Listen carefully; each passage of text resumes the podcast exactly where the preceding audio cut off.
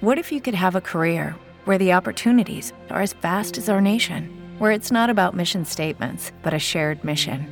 At U.S. Customs and Border Protection, we go beyond to protect more than borders from ship to shore, air to ground. Cities to local communities, CBP agents and officers are keeping people safe. Join U.S. Customs and Border Protection and go beyond for something far greater than yourself. Learn more at cbp.gov/careers. De beste wielrenner ter wereld kan weer een vinkje zetten.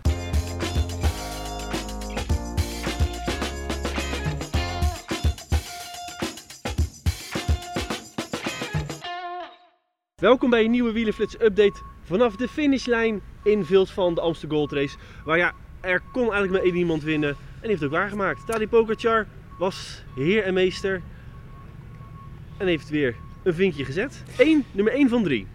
Uh, ja, want laten we wel zeggen, het vermoeden van iedereen is dat hij geschiedenis gaat schrijven deze week met het winnen van Amsterdam Gold Race, Waalse Pijl en Luik Bastenaken Luik. Er zijn twee renners die hem dat voor hebben gedaan. Philippe Gilbert in zijn wonderjaar in 2011 en Weilen helaas Davide Rebellin in 2004. Dus hij, zou, hij kan pas de derde renner in de geschiedenis zijn die dat trucje flikt. Uh, en ja, als we toch weer hebben gezien wat voor demonstratie hij hier in de uh, heuvels van Limburg heeft gegeven vandaag.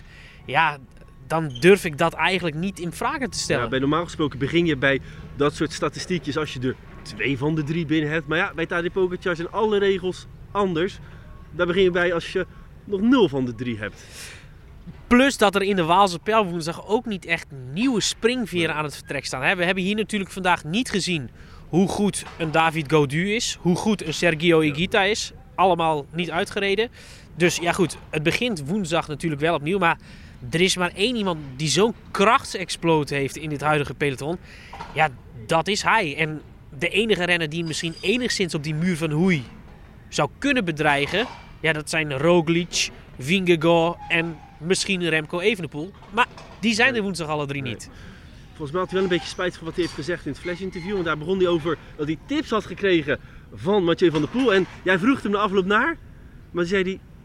Ik wilde niet te veel, uh, moet er niet te veel woorden aan vuil maken. Laat even luisteren naar hem. Oh, come on, it's not a big deal. It's just uh, he, he was. But it's uh, fun. Yeah, I mean, he said uh, attack on uh, Keltenberg, and uh, yeah, I mean it makes sense, and uh, it's the hardest climb of the race, so yeah, I take there. Wat me overigens wel nog opviel aan Pogacar en toen dacht ik, toen, toen ik erover na zat te denken van ja, het is, het is misschien ook een beetje een gekke gedachte. Hij was zo ontzettend blij toen hij over de finish kwam. Eigenlijk tot ver voorbij waar we nu staan. Armen in de lucht, juichen. Echt een opluchting. Nou ja, logisch, want hij wint pas voor de eerste keer de Amsterdam Gold Race. Maar ja, dat hij wint, je zou het bijna normaal gaan vinden. En het feit dat hij zo blij was, vond ik toch wel eigenlijk een ding van ja jongens, we nemen het allemaal voor lief dat het zo simpel lijkt. Maar ja, dat, we moeten niet vergeten, dat is het niet.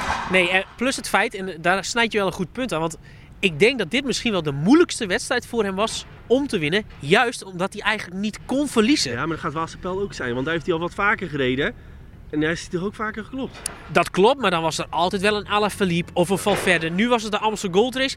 Iedereen wist, ja. Pogacar wint. Maar doe het dan nog maar eens, ondanks dat je die allerbest bent. Want laten we wel eerlijk zijn, al dat draaien en keren in hier, die verkeersobjecten, de relatief korte hellingen, die eigenlijk niet per se op zijn lijf geschreven zijn. Het was niet de makkelijkste koers voor Pogacar om te winnen. Zeker niet door alle druk, want iedere preview, iedere voorbeschouwing op voorhand zei Pogacar wint en de rest staat niet op de foto. Gebeurde ook, maar doe het maar eens. Ja. Goed, Pogacar wint. Iedereen had verwacht. Dan werd er gekeken wie wordt er dan twee, wie wordt er dan drie. En daar zit eigenlijk wel het, een van de verhalen uh, van deze Amsterdam Gold Race. De nummer 2, Ben Healy. Een onbeschreven blad. Ja, dat was zo... helemaal leeg. Dat was heel, nou ja, sinds afgelopen uh, woensdag al niet meer toen die uh, tweede werd in de Brabantse spel. Die plek haalt hij ook hier zo. Maar we kennen hem eigenlijk helemaal niet. Nee, ja, het is, het is inderdaad wat je zegt, een onbeschreven blad. Tweedejaars prof. Uh, maar aan de andere kant, als je zijn uitslagen er van de rest van dit voorjaar bijpakt, is het eigenlijk helemaal geen verrassing. Want in bijna iedere koers die hij rijdt, ik geloof op drie koersen na, eindigt hij op het podium. Ja, dan ben je gewoon een hele goede renner. En ik moet zeggen, ik sprak een paar renners na afloop. Die zei ja, voor de buitenwereld is het misschien een verrassing. Maar in het peloton weet iedereen hoe goed deze Ben Healy eigenlijk is. Ja. En eh, ik sprak ook met zijn ploegleider, Sebastian Langeveld. Die zei ja, hij heeft deze winter niet één stap gezet, maar zeker twee en misschien wel drie. En ja, het is gewoon iemand die echt heel hard kan fietsen. Ik sprak ook Nielsen Paulus voor de start. Die zei ja, geef Healy niet twee meter, want die twee meter maak je nooit meer goed. Nee, Paul is eigenlijk de man die ook verwacht werd voor het podium. Ja. Die zakte er al redelijk vroeg doorheen. Ja. Maar er werd dus gigantisch goed Ja, rechtgezet. zakte, dat wil ik nog wel. Die was betrokken bij die eh, valpartij. Ja. Mensen zeggen dat het veroorzaakt is door Filip Masiuk. Die reed hier ook. De jongen die die grote val eh, eh, ja, veroorzaakt in de ronde Val Vlaanderen. Ehm, maar die was het niet. Nee, Laten we dat nee, voorop nee. Nee, nee, nee. nee. Eh, Nee, goed, eh, Healy dus de man die ja, uiteindelijk hier zo het grote verhaal schrijft en zichzelf op de kaart zet. Zijn eerste World Tour wedstrijd dit seizoen. Ehm, hij was zelf toch uiteindelijk ook wel een beetje verrast dat hij het hier deed. I knew I had good legs, but yeah, not this good. So yeah, it's, it's kind of a surreal moment for me to uh, really be racing and competing up there with these guys. Een tweede plaats die bij zijn ploeg EF Education ook nog wordt gevierd. En dat vinden we niet zo heel erg gek. Als, toch wel als een eh, kleine overwinning. For sure. I mean, it was. um it's not a shame to lose to uh, to Pogacar, to be honest. And with Ben's second place, it's kind of a breakthrough for him. Or it's uh, it is a major breakthrough, I would say. Great achievement uh, that we of course have to remember to celebrate. Dan de nummer 3, Tom Pitcock. Toen ze vooruit waren, nou, was eigenlijk een spelletje eh, makkelijk, eh, de puzzel makkelijk te leggen. Eén Pogacar op een afstandje en dan zou het toch eh Pitcock worden. Die wint van Healy, maar dat ging helemaal niet dat door. ging helemaal niet door. Nee, ja, eh Pitcock. Ik moet heel eerlijk zeggen, op het moment dat ze met z'n tweeën waren, vond ik dat die Pogacar relatief makkelijk antwoordde steeds. Ehm, nou ja, na afloop zei hij ook van ja, zoals Pitcock op zijn Pitcocks, I felt good. And suddenly, I didn't felt good anymore. Ja. Hij zei van op de een of andere manier bliezen mijn benen op en toen was het gewoon gebeurd. Eh, en ja, ehm, moest hij zelfs dus Ben Healy op de Bemelerberg laten gaan. Dan was het Ja. Geulenberg. Ik ben hier altijd in de war. We laten hem eens eventjes zelf aan het woord, want wat jij zegt, zei hij op een nog leukere manier.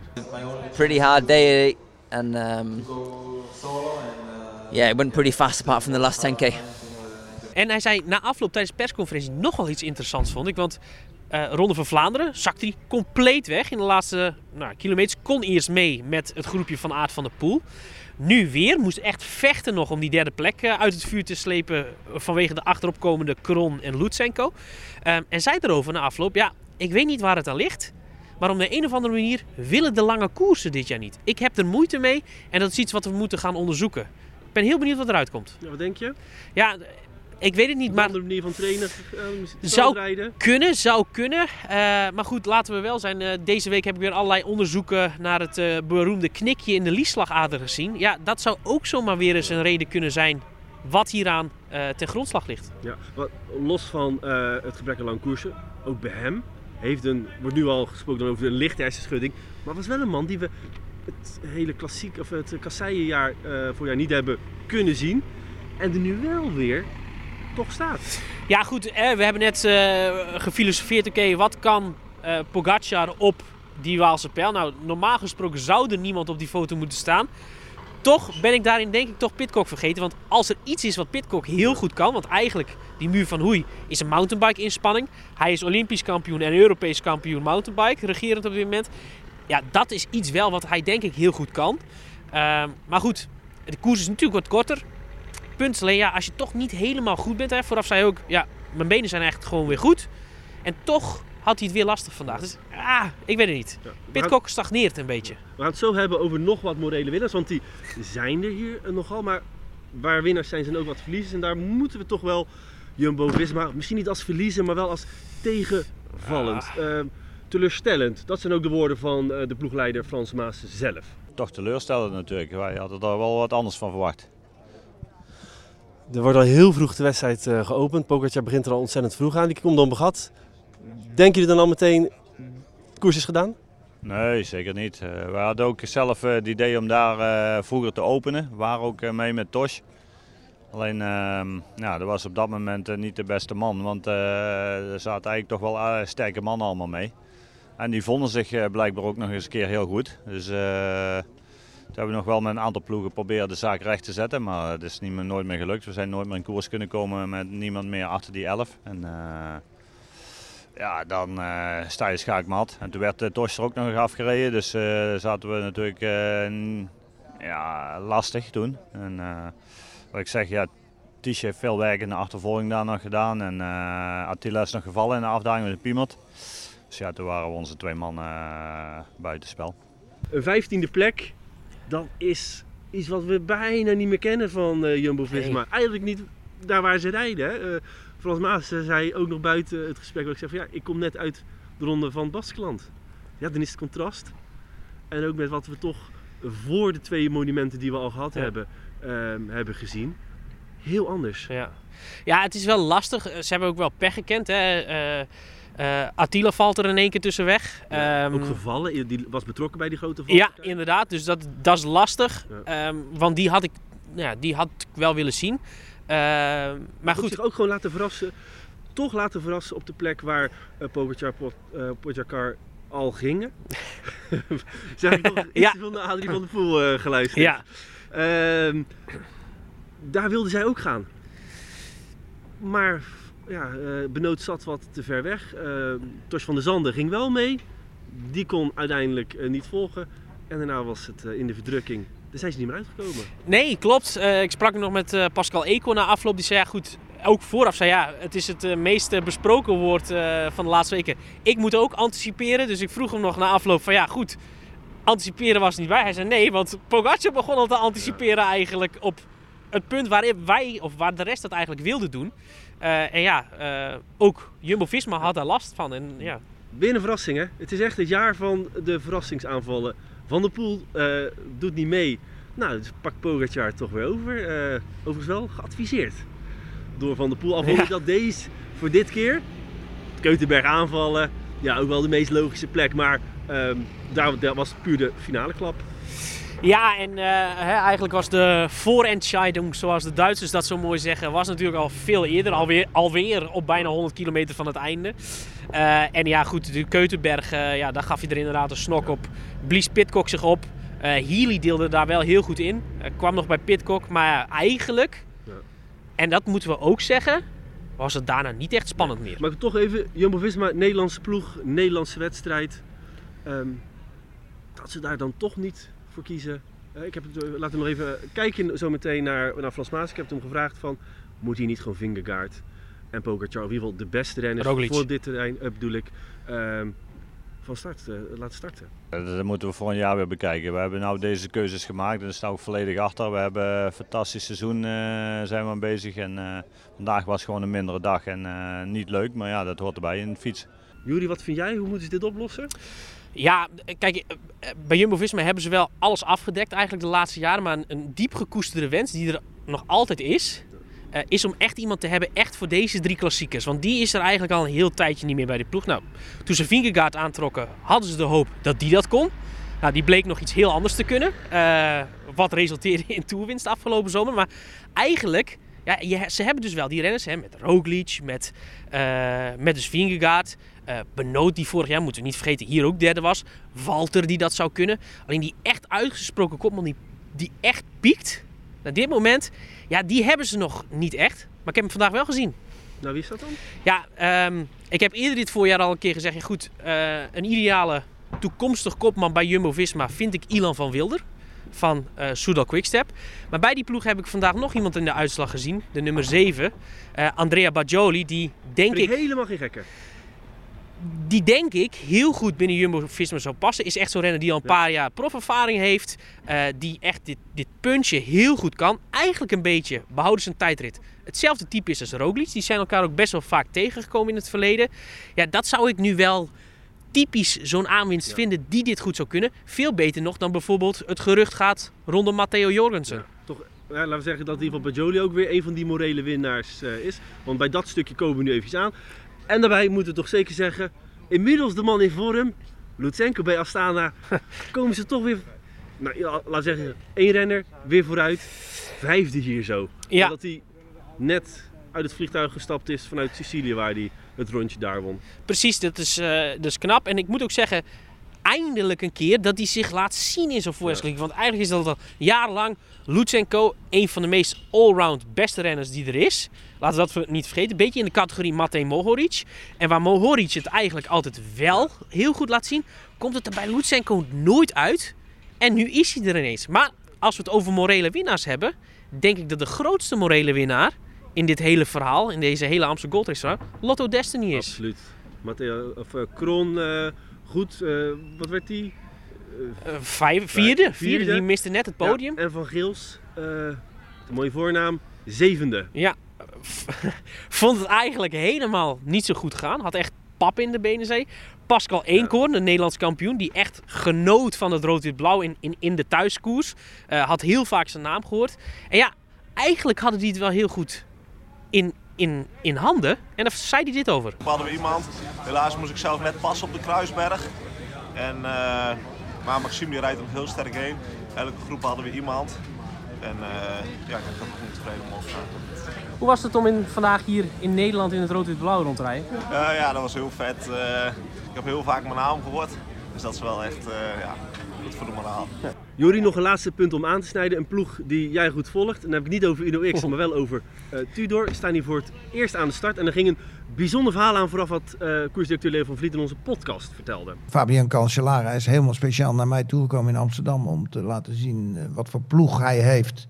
En hij zegt, we hebben hij zegt, die andere koers hebben we nog niks te zoeken. Maar wij denken dat we wel een paar goede renners hebben voor de Amsterdam Gold Race. Maar dan voel je je toch wel vereerd als kanselaar ja, helemaal naar Amsterdam komt. Ja, denk, ik ja, maar moet je dan speciaal komen? Nou, dan kwam hij met zijn manager, weet ik, van die... Uh, nou ja, en hij heeft gewoon een heel mooi verhaal. En een prachtige mooie sponsor. Wat, wat ik zo mooi vind van zijn ploeg. hij heeft één sponsor, ja. ja, Tudor, één sponsor erop.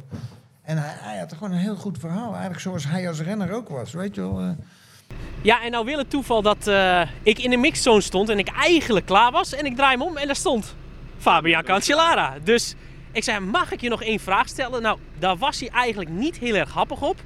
Persvoorlegd zegt, oké, okay, twee vragen. En toen stelde ik dus deze vraag, waarom? En hij vleurde helemaal op. Why? I mean, we went to Leo on his, uh, on his uh, boat house in Amsterdam to have a visit and to talk about the project. First of all, to present who we are, what we do, and what's our sports goals of 2023. Uh, Brabant and Amsterdam Gold Race was of our was our list for our lineup we had, and uh, we said, look, um, if there's a chance to let us start, we will for sure do something great. And uh, I think today, with our ninth place with Alexander Kamp, and with the sixth place in Brabant, I think uh, our two big races we had in mind, we we did, we delivered, and we continuing the way we do. I think this is what it matters because uh, I think um, it's not only about making a call. I think uh, Leo was super happy. Uh, I was super happy. Mm-hmm. Long relation together with the whole family, and. Um, I think, yeah, I mean, this is who we are. It's not just calling and doing and you have or not. I think it's really talking about what we do and to see the people behind because as a president is one thing, but there's mm-hmm. a general manager, then there's the project itself because what is behind Tudor Pro Cycling Team, this is what for us was important and then it's up to the organizers what they do or not. But I think um, a nice day, uh, nice results, and thank you very much uh, to have us had at Amsterdam Gold Race. Juri, misschien nemen we het een beetje in de verkeerde volgorde op, want een punt waar we het eigenlijk misschien wel mee hadden moeten beginnen, want het is wel een, nou ja, hangt een beetje als een sluier toch wel over de wedstrijd heen, is het incident wat in de finale gebeurde, waarbij koersdirecteur Leo van Vliet met zijn auto Bogartje moet inhalen en daar toch wat lang voor blijft zitten. En dat eigenlijk in een heel seizoen waar het al heel veel gaat over motoren die koers nou, mede bepalen, daardoor vervalsen. Maar dan nu de auto van de koersdirecteur. Het is, wel, het is wel een beetje een smetje. Het is een smetje en vooral zonde. Want dat verdient de Amsterdam Gold Race niet. De laatste twee jaar hebben we hier natuurlijk met die fotofinish een hoop gekloot gehad. Van aard gewonnen, maar ik ben er nog steeds van overtuigd dat Pitcock die editie in 2020 gewonnen heeft. Of 2021. Nou, pin me er niet op vast. 2021. Vorig jaar uh, Kostner die eerst wordt uitgeroepen, terwijl het dan toch Kwiatkowski bleek te zijn. Ja. En dat is nu het derde jaar wat niet rimpelloos Nee, en vooral omdat het dus ook onnodig was. Hè? Wat ik ervan begrepen heeft Leo van Vliet aan Pogacar verteld wat de voorsprong was. Vervolgens rijdt hij ervoor. terwijl er op die weg alle ruimte was om meteen weg te schieten, zodat Pogacar geen voordeel uit een slipstream kon halen. Maar ze trokken te langzaam op, bleven eigenlijk een beetje er tevoren hangen, waardoor Pogacar wel voordeel had. En laten we wel eerlijk zijn, Healy leek op dat moment dichterbij te komen. Het is niet voor niks dat Van Vliet er langs moest. Want is, het, is de voorsprong groot genoeg, dan kan je erachter blijven hangen. Um, überhaupt kun je afvragen van hoe die erachter heeft gekomen, want het is nooit groter geweest dan een minuut. Maar goed, moest er langs, zat erachter. En ja, alleen al dat de schijn nu wordt, de schijn is gewekt dat het misschien wel uh, een helpend handje is geweest, is gewoon zonde. Ja. Dus wel zo, dit soort incidenten uh, gaan we volgend jaar en over twee jaar Zeker. niet snel meer herinneren. Laten we hopen dat het dan volgend jaar wel eens een keer. Ja, uh, ik, ik, heb Pogacar nog na afloop ja. naar gevraagd. niet op beeld? Hebben we niet op beeld, maar heb ik er wel naar gevraagd. Ik zei, ja, goh, we moeten toch vragen. Jij kon er niks aan doen, maar heb je er voordeel van gehad? Hij zei, ja, ik vind het lastig, maar dit gebeurt in iedere koers en zal ook in iedere koers blijven uh, gebeuren. En dat is natuurlijk wel iets wat, wat zo is. Het enige punt wat ik, waarvan ik nog zeg van ja goed, het had niet gehoeven. Want er was ruimte zat om daar weg te rijden. En dan had je die hele discussie niet gehad. En nu wordt echt wel, ja, uh, is, komt de kritiek bij de Vliet, om het zo maar te ja. zeggen. Ja, uh, maar goed, uh, ik vond wel de reactie van, van Pogacar, die zei van ja, het is, het is gewoon zonde dat het gebeurt. Moet niet gebeuren. Ik wil niet dat het gebeurt. Um, en het is maar te hopen dat het ook niet meer gaat gebeuren. Nee, en laten we dat inderdaad uh, ook zo houden. Want ook voor Pogacar is het natuurlijk niet leuk om op die manier ja, hier nog een antwoord op te moeten geven. Uh, maar ik denk dat wij zo voorzichtig moeten gaan afronden. Want wij worden hier uh, een beetje... heel goed. En wij worden eigenlijk door de heftrucks een beetje hier... door de Oekraïners een beetje van de weg gedrukt. Ja, laten we dat doen. Een Amsterdam Gold Race. Mooie editie. Meer dan 90 kilometer lang spektakel. Um, en met de Eddy Merckx van onze generatie op ja, de herenlijst. Alweer merk dan toch op een dag als vandaag dat zo'n Van der Poel en Van Aert wel een beetje mist worden. Ik las al tweets over dat uh, het verplicht moet worden dat minstens twee van de drie gaan starten. Kan ik me wel in vinden, maar desalniettemin een hele, toch een mooie editie met een flink randje. Uh, maar wat uh, de geschiedenisboeken waarschijnlijk niet heel lang of niet gaat, niet gaat halen. maar wel zorg voor de organisatie om daar in ieder geval te zorgen dat dit niet meer kan gaan gebeuren. Dit was de Wielenflits update vanaf de Amstel Gold Race. Dank voor het kijken en voor het luisteren. En uh, tot de volgende keer.